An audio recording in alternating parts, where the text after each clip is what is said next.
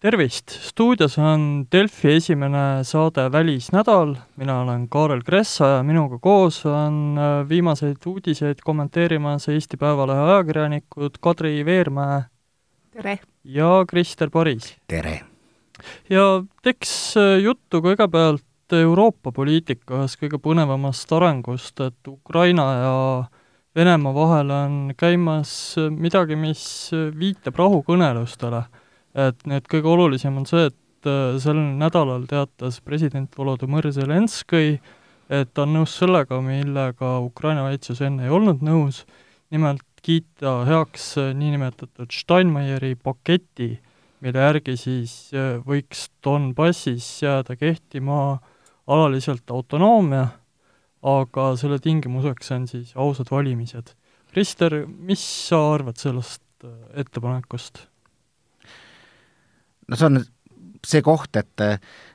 kõik need ettepanekud, mis tehti, see oli siis ka koos Minski rahulepetega, tuli ka pärast Steinmeieri pakett, need lähtusid äh, sellest, et kui kõik osapooled äh, täidavad tingimusi, mis on seatud ausalt, siis on need sammud, mis aitavad pingeid deeskaleerida ja lõpuks viia rahule. kui me mõtleme selle peale, mida Euroopa soovib, siis siis peamiselt soovib Euroopa seda, et ikkagi konflikt kuidagi kuidagi ära laheneks. ja, ja öö, selle käigus me näeme ka praegu üsna tugevat siiski survet Euroopa Liidu tugevate riikide poolt, Saksamaa, Prantsusmaa, et leida variante, kuidas normaliseerida suhteid Venemaaga. ja nüüd, kus Ukrainas on uus president, kellel on väga võimas tugev mandaat, nii parlamendist kui ka siis rahva poolt, siis noh, kuna ta muuhulgas oli Petro Porošenko, eelmise presidendi üsnagi sellise nii-öelda jäiga positsiooni vastu ka valimiskampaanias, siis see noh, see on nagu võimalus äh, pakkuda välja, et siiski jah, näete, et me oleme avatud, me äh, oleme nii-öelda Euroopa initsiatiiviga nõus ja, ja oleme proaktiivsed, kuna ka meie soovime saada rahu. mis nüüd päriselt juhtuma hakkab, see on hoopis teine küsimus. see ikkagi eeldab seda, et äh, kui lugeda täht-tähelt, see, et tuleb anda ikkagi kontroll nende piirkondade üle de facto äh, Kiievi kätte ja ma, ma lihtsalt ei näe seda praegu juhtumas. Kadri, kas sinu meelest sellel ettepanekul võiks olla mingisugust äh, varianti praktikas tõeks saada? võrreldes eelnevate tegevustega on ta igal juhul samm edasi, sellepärast et nüüd on üle aastate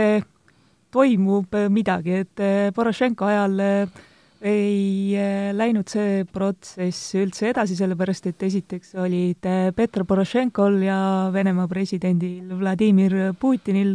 omavahel suhteliselt äh, halvad suhted ja ka Putin, kes äh, on siis väga olulise tähtsusega üldse igasuguses edasiminekus äh, Ida-Ukrainas, ütles, et enne, kui ei ole Ukrainale valitud uut riigipead, ei hakka üldse midagi toimuma, nii et midagi võib ju toimuda, et kuidas see praktikas hakkab välja nägema ja kas siis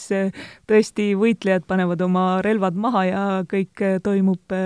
rahumeelselt ja Ukrainast saab jälle üks, et see on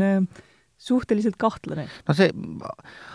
Porošenko ju loosung valimistel oli ka, et armee, keel, usk, ühesõnaga kõik selline üsnagi sõjakas retoorika, mida tal õnnestus teha, ta sai hakkama suurepärase saavutusega, tal õnnestus ikka täiesti nii-öelda see sõjaline situatsioon stabiliseerida. ehk siis eh, praegusel hetkel on Ukrainas rindel ainult eh, professionaalsed sõdurid, kes saavad selle eest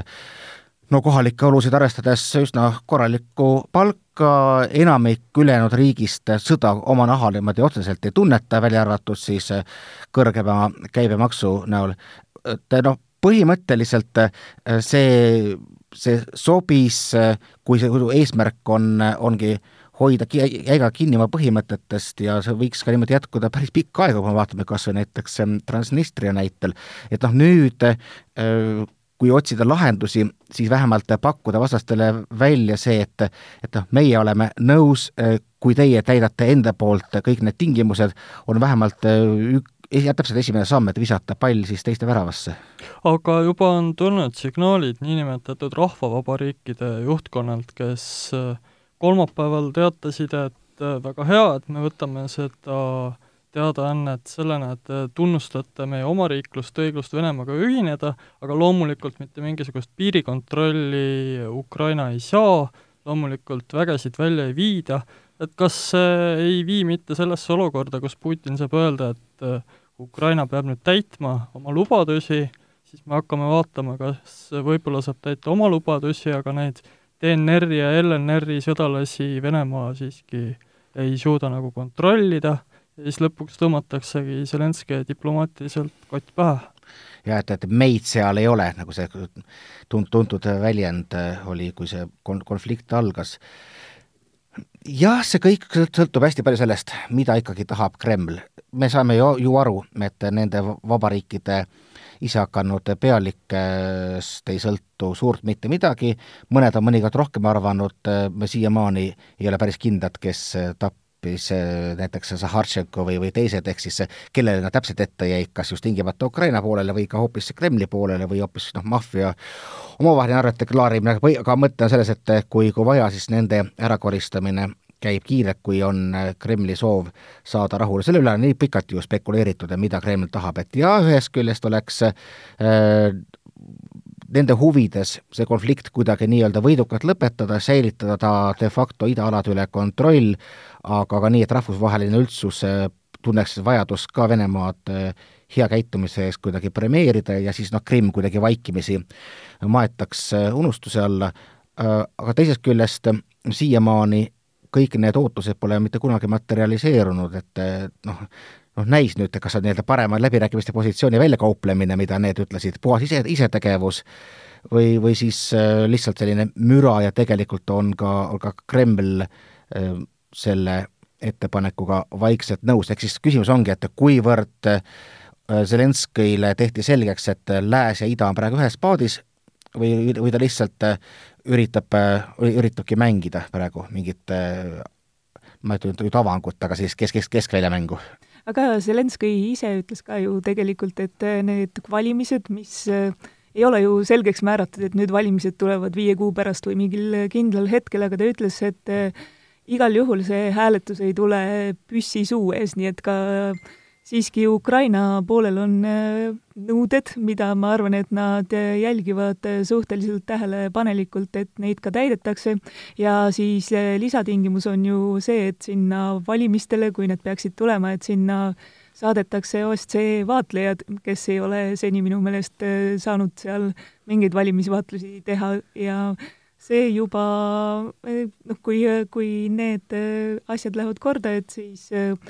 on mingisugune vastutulelikkus nendes isehakanud riikides praegu olemas, mida praegu väga ei paista olevat. see, ma muidugi kardan natuke seda diplomaatilist survet, mis võib anda ette nii-öelda äh, jõupositsioonilt dikteeritud tulemusi, et ma just äh, suhtlesin ühe äh, inimesega, kes Ukraina sündmustel noh, silma peal hoiab, et tema just kirjeldas, et tegelikult OSCE vaatlejatele üritatakse Venemaa poolt ette anda, et me oleme nõus, kui umbes tuleb ette juba meile teade, et valimised on vabad ja õiglased, ühesõnaga üritatakse juba nii-öelda ette kujundada seda, et te tulete ja annate sinna templi alla, et see võib olla noh, jällegi selline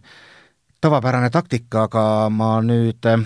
ma just kardangi seda, mida Kaare tõstatas, ma kardan kõige rohkem, et Ukraina pool teeb oma hea tahte sammud ära ja, ja sellega see kõik piirdubki Ukraina teema toob meid teisele põletavale välispoliitilisele teemale, ehk siis USA-s alanud presidendi tagandamismenetluseni, mille ajendas siis Donald Trumpi ja Zelenskõi vahelise telefonikõne asjaolude ilmsiks tulek. aga äkki kuulaks kõigepealt ühte lindistust eilsest Trumpi ja Soome presidendi pressikonverentsist, mis näitab Valges Majas valitsevaid meeleolusid vast Go ahead, ask a question. The, the, question, sir, was what did you want President Zelensky to do about Pres- Vice President Biden and his son Hunter? Are you talking to me? Yeah, it was just a follow up of what I just asked Listen, you, sir. You ready? We have the President of Finland. Ask him a question. I have one for him. I just wanted to follow up on the one that I asked. Did you hear what me? Did you want? Did you hear me? Yes, Ask sir. him a question. I, I will, but I've my, given you a long answer. Ask this gentleman a question. Don't be rude. no, sir. I don't want to be rude. I just wanted you to have a chance to answer the question that I asked you. I've answered everything. It's a whole hoax. And you know who's playing into the hoax? People like you and the fake news media that we have in this country. And I say, in many cases, the corrupt media, because you're corrupt. Much of the media in this country is not just fake, it's corrupt. And you have some very fine people, too. Great journalists, great reporters. Jah, niimoodi siis vastas Trump korduvale küsimusele, et mida ta siis õigupoolest Zelenskõi käest nõudis, sellele eelnes äh, Trumpi jutt, et Ukrainale USA li-, ongi liiga palju raha panustanud, siis ta rääkis sellest, kuidas Biden on korrumpeerunud. Ja siis lõpuks, kui talt kolmandat korda küsiti, hakkas sõimama ajakirjandust ja Soome president siis seisis seal kõrval, kellele siis soovitati küsimusi esitada. jah, ja see sõbralik naer, mida me kuulsime, oli ka siis Soome presidendi oma. Äh, vahepeal on olnud sellised arengud, et selgub, et äh, USA valitsus nõudis Austraalialt, et need aitaksid äh, mingil viisil diskrediteerida eriprokurör Mülleri Venemaa teemalist juurdlust paistab, et on olnud ka teisi sarnaseid kontakte, selgub, et Mike Pence on millestki rääkinud Zelenskõiga, Välisministeerium on asjasse segatud, Justiitsministeerium, aga ühesõnaga, kus me oleme selle skandaaliga ja kuhu see välja võiks viia? sinu loetelu jätkates oli üks väga huvitav moment, kui Sergei Lavrov vist ütles, et vaadake, et te jumala eest ei avalda eh, Putiniga peetud kõnede memosid, et ilmselt väga paljudele pole kordagi pähegi tulnud, et oot-oot-oot, ta on ju rääkinud ka Venemaaga, nüüd see huvi tõuseb kindlasti väga palju suuremaks. Jah, aga vaadates, et mis on sellest Zelenskõi ja Trumpi äh, vestlusest teada, et selle kohta ei ole meil transkriptsiooni, aga on väike memo tehtud, kus, mis siis näeb välja nagu vestlus, aga tegelikult on see siis äh, üleskirjutus sellest, et mida see, kes kirjutas, kuulis, millest vesteldakse ja seal äh, see on väga paljastav, et see näitab igasuguseid äh, diplomaatilisi meetodeid, mida me tavaliselt ei näe ja Zelenskõi näiteks lubab seal äh, kuivatada soo ka Ukrainas ja siis ta ütleb, et äh, Trump on neile väga suureks äh, eeskujuks ja siis rakendab veel mitmeid erisuguseid meetodeid, mida võiks nimetada selliseks heaks suhtluseks, aga ka teatavaks pugemiseks, nii et ma arvan, et enamik riigijuhte ei taha, et selliseid vestlusi avaldatakse, sellepärast et neist ei jää kõige parem mulje, kuigi tegemist võib olla tavapärase riigipeade vahelise vestlusega, sellepärast et on ka ju teada, et Trumpiga suheldes on hea, kui seda komplimentidega saata, et see viib paremini sihile. aga kui rääkida sellest tagandamisprotsessist endast, siis on välja toodud seda, et üks asi oli see kõne Zelenskõiga, kus oli selliseid mitmeti mõistetavusi, aga hoopis äh, tõsisemaks võivad osutuda need kinnimätsimiskatsed, mis on äh, toimunud pärast seda, sellepärast et nüüd on ju aina uut infot ilmunud välja selle kohta, et kuidas see memo, mis selle vestluse kohta oli, et see pandi mitte sinna tavalisse kausta, vaid pandi sinna salajasse kausta. Ja kes seda käskis panna, miks see pandi, kas see üldse, kas selle panek juba on ametiseisundi kuritarvitamine ja kuidas nüüd kutsuta- või üritatakse kutsuda see esindajate koja komiteede ette tunnistajad, kes ei väga, vähemalt mõned neist ei taha minna, et kas kas ka see protsess on juba, sisaldab mingeid tagandamisvõimalusi, nii et siin on tekkinud terve hulk küsimusi, mis ei ole, mis on otseselt seotud küll selle kõnega, aga see kõne ise ei pruugi olla tagandamise põhjus selles mõttes on jah huvitav, et et see üsnagi nii-öelda nagu noh, legalistlik äh, lähenemine praegu võib olla see alus, kus algatatakse USA presidendi äh, tagandamisprotseduur, ehk siis kõik see, mida Trump siiamaani teinud on, mis on nagu nii-öelda avalikkust kõnetanud märksa enam, vähemalt neid, kes on siis ähm, Trumpi vastasleeris, nendest pole midagi asja saanud ja noh, teist väga täiesti arusaadavalt ka nii-öelda takt-, taktikalistel kaalutlustel, et tagadamisprotseduur annab äh, noh, nagu, nagu, nagu sõda ikka, et üldiselt kannatavad seal pool, pool mõlemad ja, ja pigem võib juhtuda, et Trump saab ka liiga palju re reklaami. ja nüüd siis just on see hetk, kus jällegi tundub, et USA president on rikkunud seadusi, äh, mis annaks aluse teda nagu jah, ametist tagandada, aga ma, ma, ma, ma nagu ei kujuta hästi ette, et see teema iseenesest USA avalikkust nüüd, nüüd nii palju just kõnetaks, et see, see on mingisugune, tundub, et noh, hea küll, mõjuvõimuga kauplemine on tõsine asi, kui ta palus, ütleme, välisriikide eh, juhtidel otsida oma poliitiliste oponentide kohta mm, materjali, nojah, see, kes, kuidas pannakse, kuhu pannakse salajast infot, on väga tõsine asi, aga kumbki pole nagu teema, mis väga sellist avalikkust, kes igapäevaselt poliitikat ei järgi, paneks söögilauas sellest iga kell rääkima. Küll aga erutab see väga president Trumpi ja USA meedias on ka kirjutatud, et äh, üks selline selge boonus demokraatide jaoks paistab olevat see, et Trumpil ei ole enam energiat ühegi muu asjaga tegeleda, kui selle juurdluse jälgimine ja sellele reageerimine aga tema lõplik süüdimõistmine ja tagandamine paistab küll üsna ebatõenäoline puhtalt sellepärast, et senatis peaks selle taha asuma vist oma kolmkümmend tema parteikaaslast Vabariiklikust parteist. ja lihtsalt selles mõttes ei maksa oodata, et, et tagandamine läbi läheks, et äh, ajad on sellised, et kus ikkagi väga paljud vabariiklased äh, paraku hääletavad äh, ma ei ole küll päris kindel, kui kooskõlas oma südametunnistusega, aga igal juhul enda partei poolt, ehk siis äh, mis iganes oleks süüdistuse sisu, tuleks äh, päris paljudelt siiski ilmselt äh, eitav vastus. murettekitav Trumpi jaoks on see, et selle juurdluse algfaasis olid ühehäälsed hääletused selle poolt, et kõik need materjalid välja nõuda. ehk see näitab, et, et noh, see rinne nii-öelda ei pruugi ka nii hästi pidada aga samas, et me ju ei tea, et mis siin veel võib tulla, et eh, vähemalt eh, sel korral saab öelda, et kõik need eelnevad eh, tagandamisväiksed ideed, et need on suhteliselt kiiresti juba alguses surnud, aga praegusel hetkel on sellel lähenemisel jõud sees ja pole ju välistatud, et ilmub vestlus Putiniga, kust tuleb välja mingeid väga ärritavaid lauseid ka vabariiklaste jaoks, et praegu on vabariiklased pigem Trumpi selja taga, mis tähendab, et tal ei ole väga midagi karta, aga see ei ole ju ka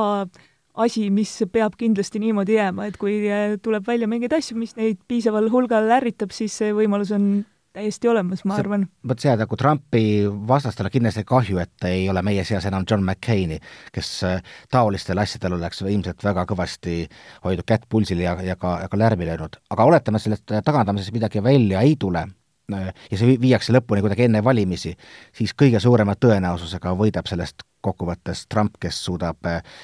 enda valijaskonnale näidata ennast taas märtrina.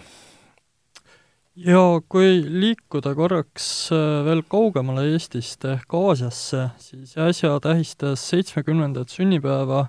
Hiina Rahvavabariik, kes näitas oma rakette ja uusi ülehelikiirusel liikuvaid droone